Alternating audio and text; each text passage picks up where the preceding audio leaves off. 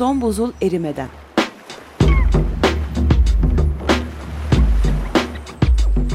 Küresel iklim değişikliğinin bilimsel gerçekleri üzerine.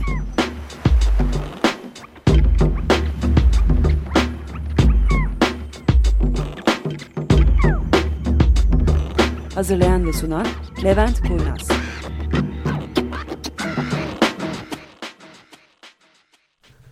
Ha, şimdi geliyor tamam. Merhaba hoş geldiniz. Bugün kaçı? 3 Üçü. Şubat 2015. Of, ben sanıyorum 2015 ilk defa mı söyledim öyle bir şey oldu. ee, Salı programımıza hoş geldiniz. Tufan bizimle bir kez daha. Ee, biz bu programa ilk başladığımızda bayağı geniş bir gruptuk. Evet.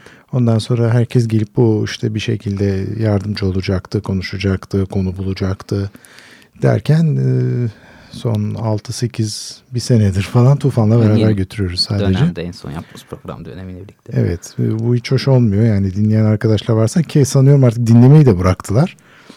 Bu programı bizi cesaretlendiren arkadaşlarımızın tamamı. Bizde de şöyle bir problem oldu. Ben bugün çok fazla toplantılara girdim çıktım. O konuda da bir takım şeyler söyleyeceğim. Ama hani o program şey toplantılara girip çıkmaktan ben bugün ne konuşacağız programda e, ya bulamadım. En son vapurla geçerken Üsküdar'dan Tufan'a mesaj attım. Tufan dedim bak ne olur sen düşün bari ne konuşacağımızı. Aynı şeyi de ben sizin için düşünüyordum.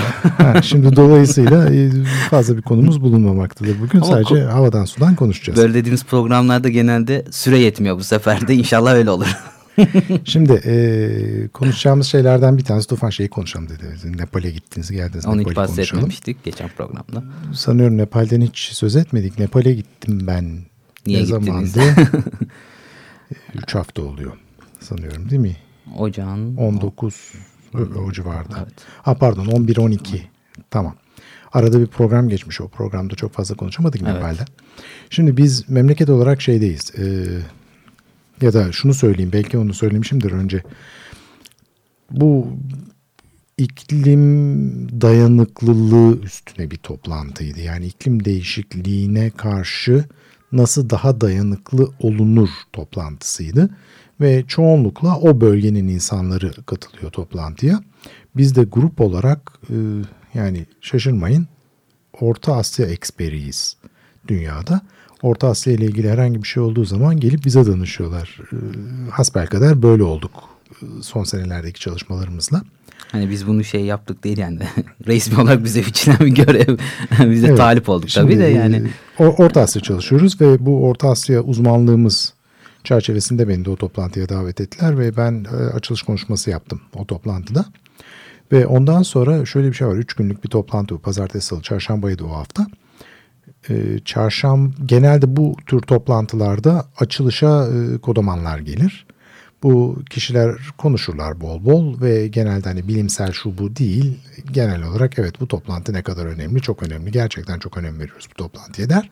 Giderler ve o sırada işte basındı şuydu buydu tıklım tıklımdır toplantı. Ondan sonrasında. Sonra gittikçe son ana kadar e, nüfus azalır. Şimdi bu toplantıda ben her noktasında neredeyse toplantının vardım. En sonunda son oturumda insanlara şey ödüller veriliyor. İşte en güzel poster ödülü, en güzel şu ödülü, bu ödülü falan filan. İşte siz çok iyiydiniz. Ve genelde bu kısmına sadece ödül alacak 3-5 kişi kalır. Yalnız bu toplantıda salon ağzına kadar doluydu. En son ana kadar. Bu da bize şunu göster yani göstermek durumunda ya da gösteriyor diyelim. O bölgedeki ülkeler bu iklim değişikliğinin her geçen gün daha kötü bir problem olduğunun ve başlarına büyük belalar açacağının bilincindeler. Bundan dolayı da biz buradan ne çıkartabiliriz diye o bölgedeki sivil toplum kuruluşları, e, bilim insanları hatta devlet yetkilileri son ana kadar kalıp son söylenen lafları bile dinleyecek kadar bu konuya ilgi gösteriyorlar. Şimdi bizle kıyaslandığında Türkiye'de böyle bir toplantı yaptığımızda genelde dediğim gibi ilk gün herkes var. Son güne doğru gittikçe nüfus azalır bizim toplantılarda. Onun için hani bu evet adamların bu problemin bilincinde olmaları bir de ilk başta ben bir tweet geçmiştim. Ee, toplantının açılışında Nepallilerin yani Nepalli insanların konuşmacıların tamamı şakır şakır İngilizce konuştular. Hiçbir tercüman da şuydu. Zaten yani bizdeki usul gibi böyle kulaklık verilsin de simültane tercüme olsun hiç öyle bir şey yoktu yani herkes İngilizce üstünden hayatını götürüyordu. Nepal e, 732 dolar milli geliri olan bir ülke senede. Kişi başına düşen milli gelir 732 dolar. Bizim hani onda birimizin 20'de birimiz civarı milli gelire sahip bir ülke ve inanılmaz İngilizce konuşuyorlar ve şey değiller İngiliz sömürgesi değiller bunlar ve hiçbir zaman olmamışlar onunla gurur duyuyorlar. Sonra Nepal'de bu mini minnacık e, milli gelirlerine rağmen yaklaşık olarak her 50-100 metrede bir e, bir kitapçı vardı. Ve böyle hani inanılmaz döküntü. Her tarafları döküntü. Evet. Altyapı diye bir şey yok. Korkunç durumdalar.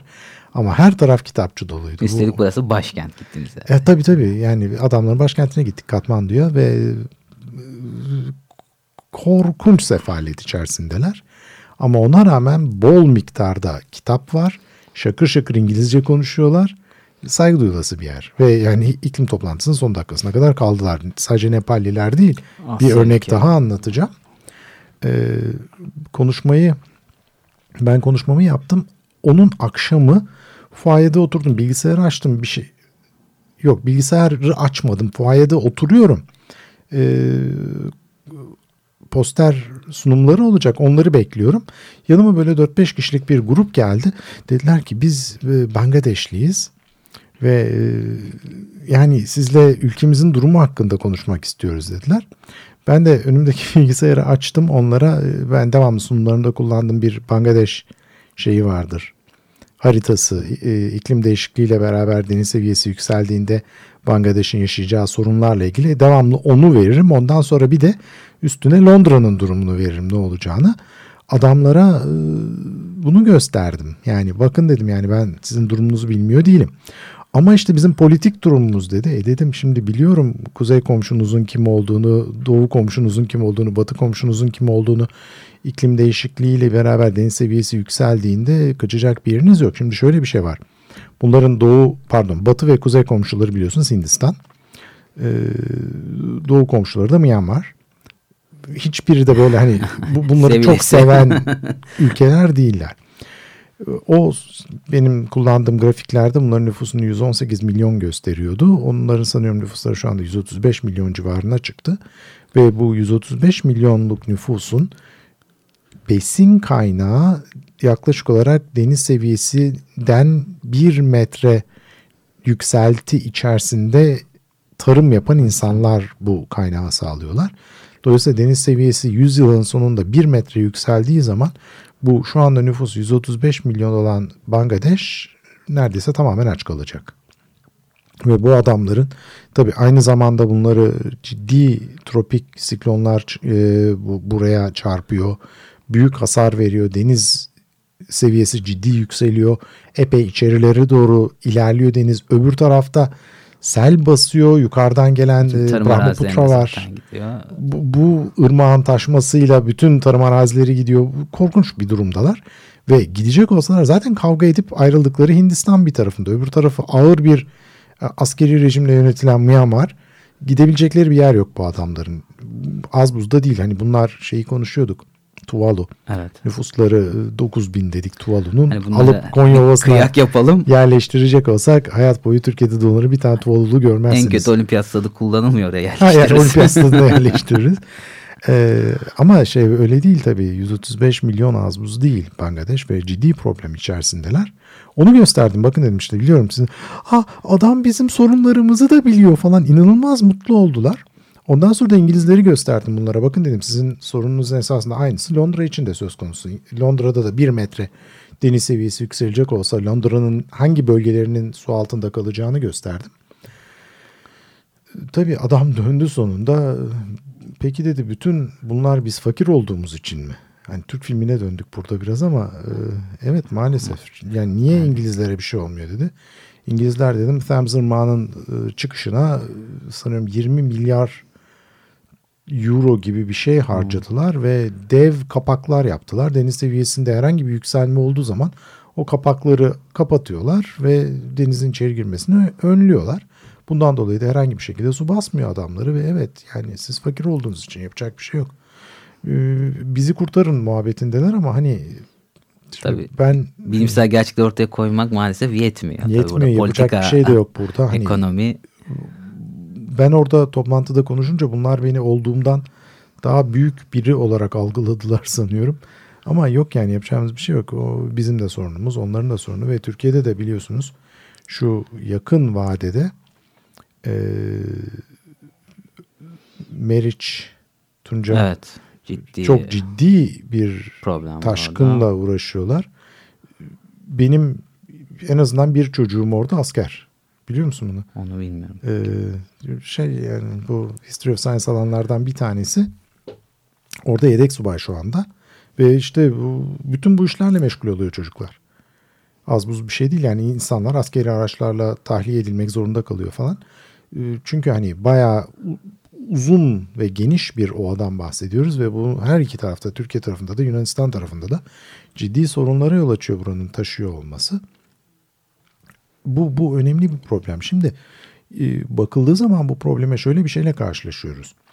Ve ben işte Tufan da geçen gün benleydi. E, Boğaz içinde asansörden çıktık. iki tane hoca karşılıklı Ha, atışıyorlar. E, ve döndü. Ah işte bak adam geldi sen söyle bakalım bu iklim değişikliği var mı yok mu? Bir tanesi dedi İnan. yok yani iklim değişikliğine ben inanmıyorum. E, ve bu hani Boğaz içindeki mühendis arkadaşlardan bir tanesini Aynısını ben bir de o akşam başka bir Sırp bir arkadaşımla yaşadım. O da meteorolog. Yani in- inanmıyorum Yani- falan çok ilginç durumlarda kalabiliyoruz. Şimdi buradaki temel nokta şu. Mesela e, e, hani geçen sene kurak, kuraklık diyordunuz. Şimdi bu sene Meriç Nehri taşıyor. Periz lahana turşusu muhabbeti yapılıyor. E, Pazar günüydü değil mi? Hangisi? İstanbul. Tabii. Pazar. Evet, Hani hey. dün de hatta ciddi ben de Evet doluya pazar, pazar yakalandım. günü hepiniz buradaydınız. Yani havanın durumunu görüyorsunuz. Görüş mesafesi neredeyse bir kilometre civarına Sizin indi. özellikle çektik paylaştığınız fotoğraflar Evet. vardı. Toz, Yani Tabii. toz göz gözü görmüyor. Ondan sonra bizim işte şeyde bizim üniversite falan yanlış anlaşılmasın. Bu ikinci köprünün e, iki köşesinde de büyük bayrak direkleri vardır. Onlardan bir tanesindeki bayrak darmadağın oldu koptu gitti e, rüzgardan dolayı. O sıra ben Beykoz'a doğru o tepeden yani ikinci köprüden Beykoz'a doğru fotoğraf çektim. Beykoz'u göremiyorsunuz bile tozdan. Öyle bir durum söz konusu. E, niye oluyor? Çöl tozları geliyor. Bu da şeydi işte mesela pazartesi günü bu da hem köprünün çökmesi Evet, ve İstanbul'da yaşanan işte bu da fotoğraflar. Korkunç durumlardayız. Ee, Şey e, benim eşim de şeyi paylaşıyordu. Moda iskelesini falan. Ha, evet, Korkunç fotoğraflar var. Bu şaka değil ya İstanbul'dan bahsediyoruz. Hani görsel olarak böyle çok hoşmuş gibi geliyor da halbuki ciddi Yani o orada Sıkıntı. köprünün üstünde e, hani trafik yok bir şey yok. Araç hızı 50 kilometreye düşmüştü o sırada. Ara, arabalar neredeyse savrulacak durumdalar. Bu bunlar normal değil. Yani bu çöl tozları evet gelir ama çöl tozları hani eskiden eskiden yani ne bileyim ben çocukken hiç öyle çöl tozları geliyor falan diye bir şey duymamıştık. Son bir 20 senedir çamur yağmaya Evet. başladı falanı duymaya başladık. O da hadi iklim değişikliği değil deyin. Şimdi evet konuşacak bir şey yok deyip ondan sonra derin derin konuşuruz. Bu çöl tozlarının sebebini anlatacağım ben size bir araya gidelim yalnız.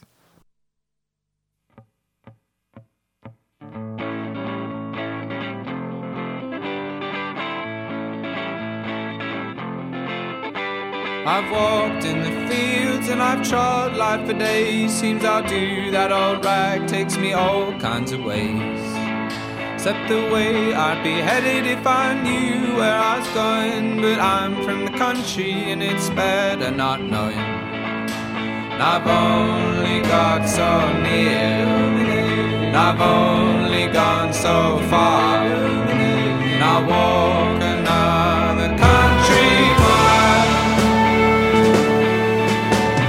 See another star.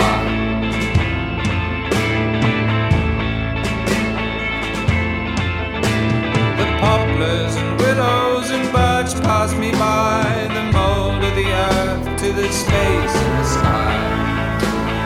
Free from my roots and I'm lost in the wind. Wind on the mountain and the mountain's my friend. I've only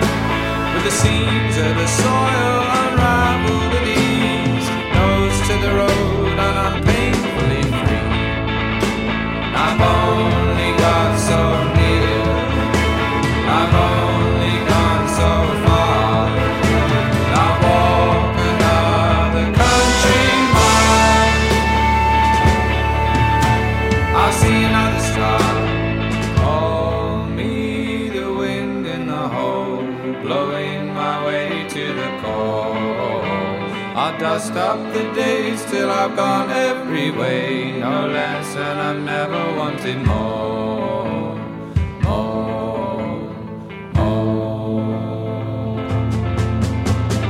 The bow in a golden refrain. Sleep goes away and the day comes again. The rain on my cap has me chasing a roof. And I'll be this young choice till I'm long in the tooth. And I've only got so near. I've only gone so far. And I'll walk another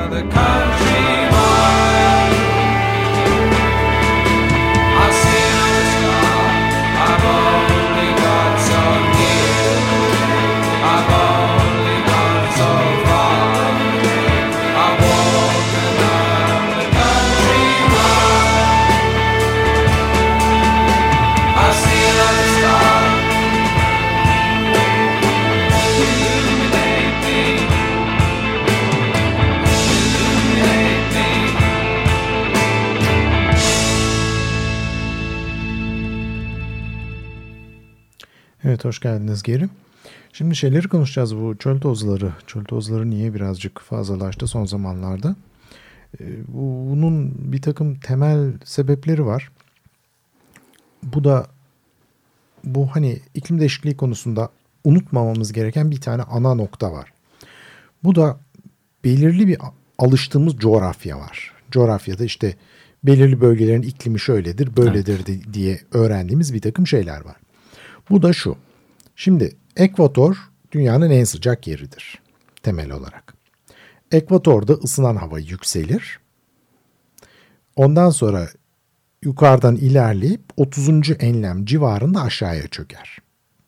Dolayısıyla aşağıya çöktüğü yerde yüksek yani yukarıdan ağır bir hava kütlesi aşağıya indiği için aşağıdaki basınç yükselir hava daha fazla sıkıştığı için. Dolayısıyla burada bir yüksek basınç bölgesi olur. Yüksek basınç demek bildiğimiz üzere hepimizin havanın açık olması demek. Havanın açık olması demek çok fazla yağmur yağmaması demek. Çok fazla yağmur yağmaması demek oranın çöl olması demek.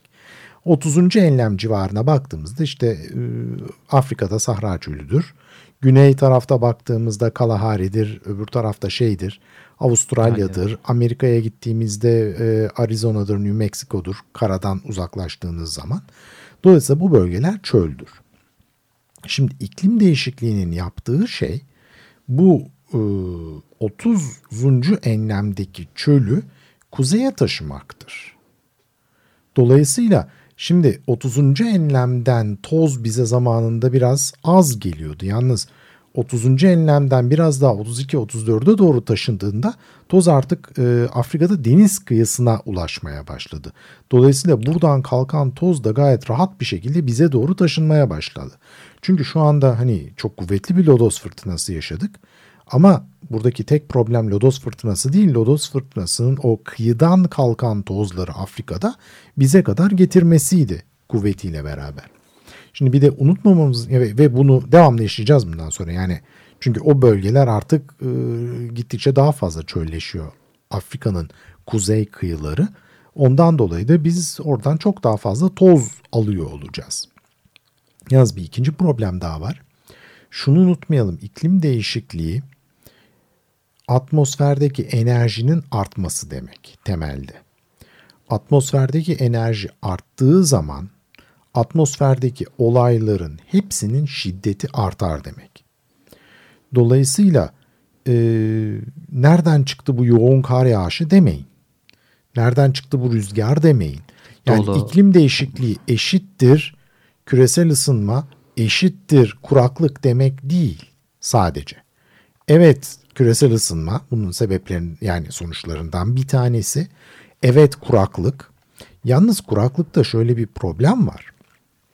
Yağmur yağmıyor değil. Belli bir miktarın altında. Yağmur yani şöyle baktığımızda bütün işte biz bunun analizlerini yapıyoruz. Türkiye için yapıyoruz, Akdeniz için yapıyoruz, demin bahsettiğimiz Orta Asya için yapıyoruz. Yağış miktarında önemli bir değişiklik yok. Esas önemli değişiklik yağışın frekansında var. Yani yağış yağmayıp yağmayıp yağmayıp birden yoğun bir şekilde yağıyor. Ondan sonra çok uzun süre yağmıyor sonra tekrar yoğun olarak yağıyor. Mesela bu sene mertebesine kadar uzayabiliyor. Yani geçtiğimiz sene hatta 2012'nin neredeyse Kasım'ından 2014'ün Ekim civarına kadar falan yağmur yağmadı doğru düzgün. Uzun bir süre ciddi bir kuraklıktan geçtik. Ama ondan sonra işte Meriç, Yani Edirne'nin problem şey aslında mesela örneğin yani o, ayda 10 güne yaydığımız bir yağış hani 2 günde 3 günde düştüğünde Tabii. Yani Yani, şöyle problem. düşünün. Şimdi mesela İstanbul'da beklediğimiz şey ne? Ee, diyelim Ocak ayında Tufan'ın dediği gibi 10 gün yağmur yağacak.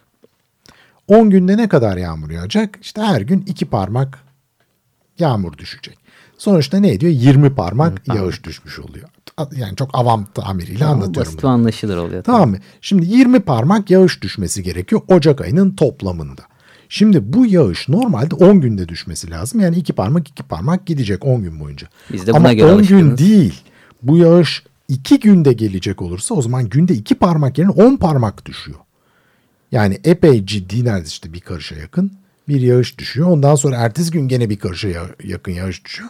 Sonra 29 gün yağış yok Siz iki parmağa göre yaptığınız tüm hazırlıklarınızı Ha, bir şimdi dolayısıyla problemlerimiz bu. Yani yağış gelmiyor değil. Yağış yoğun geliyor. Şimdi yoğun yağışın da şöyle bir problemi var. Yoğun yağışı depolayamıyoruz. Yoğun yağış akıp denize gidiyor. Yani ben hep derim yağışın güzeli böyle ığıl ığıl İngiltere'deki gibi. Toprak şöyle devamlı emecek. Toprak emecek bunu.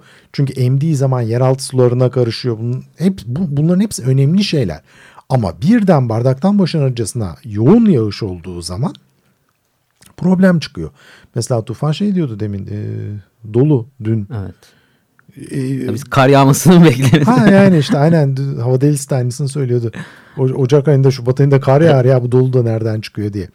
Dolayısıyla yani bunların tabii arkada meteorologlar eminim çok çok daha iyi açıklıyorlardır bunu ama o havadaki toz bir şekilde yere iniyor. Tabii şey yani burada o zaman gördüğümüz hava olaylarının zamanlamasında da değişiklikler oluyor yani. Evet yani bu, buradaki Kaymalar bütün sadece problemlerimiz bu. Yoğunluk açısından değil zamanlama açısından. Çünkü da. dolu baharda olur, yazın olur.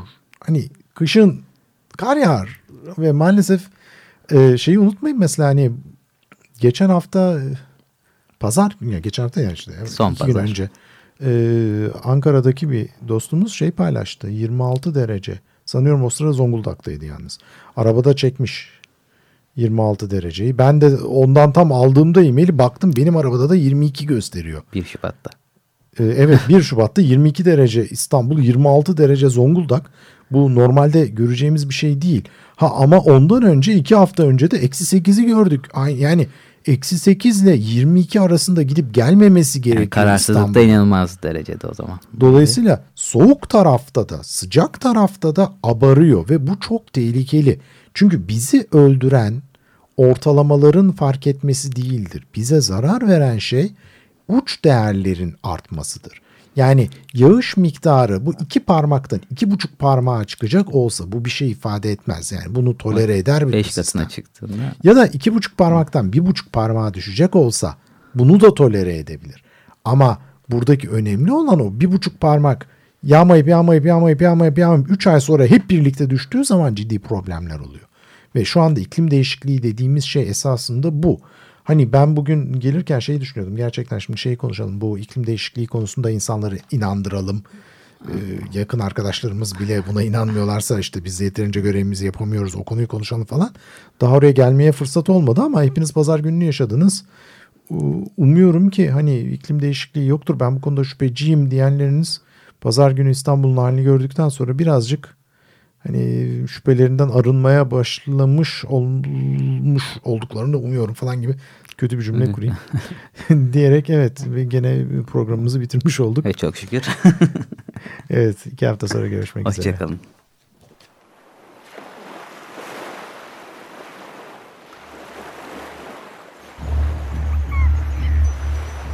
Son buzul erimeden.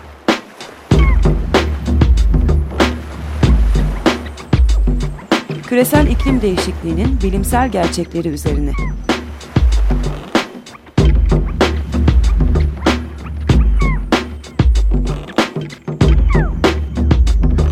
Hazırlayan ve sunan Levent Kurnaz.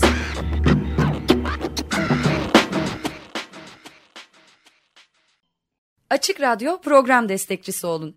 Bir veya daha fazla programa destek olmak için 212 alan koduyla 343 41 41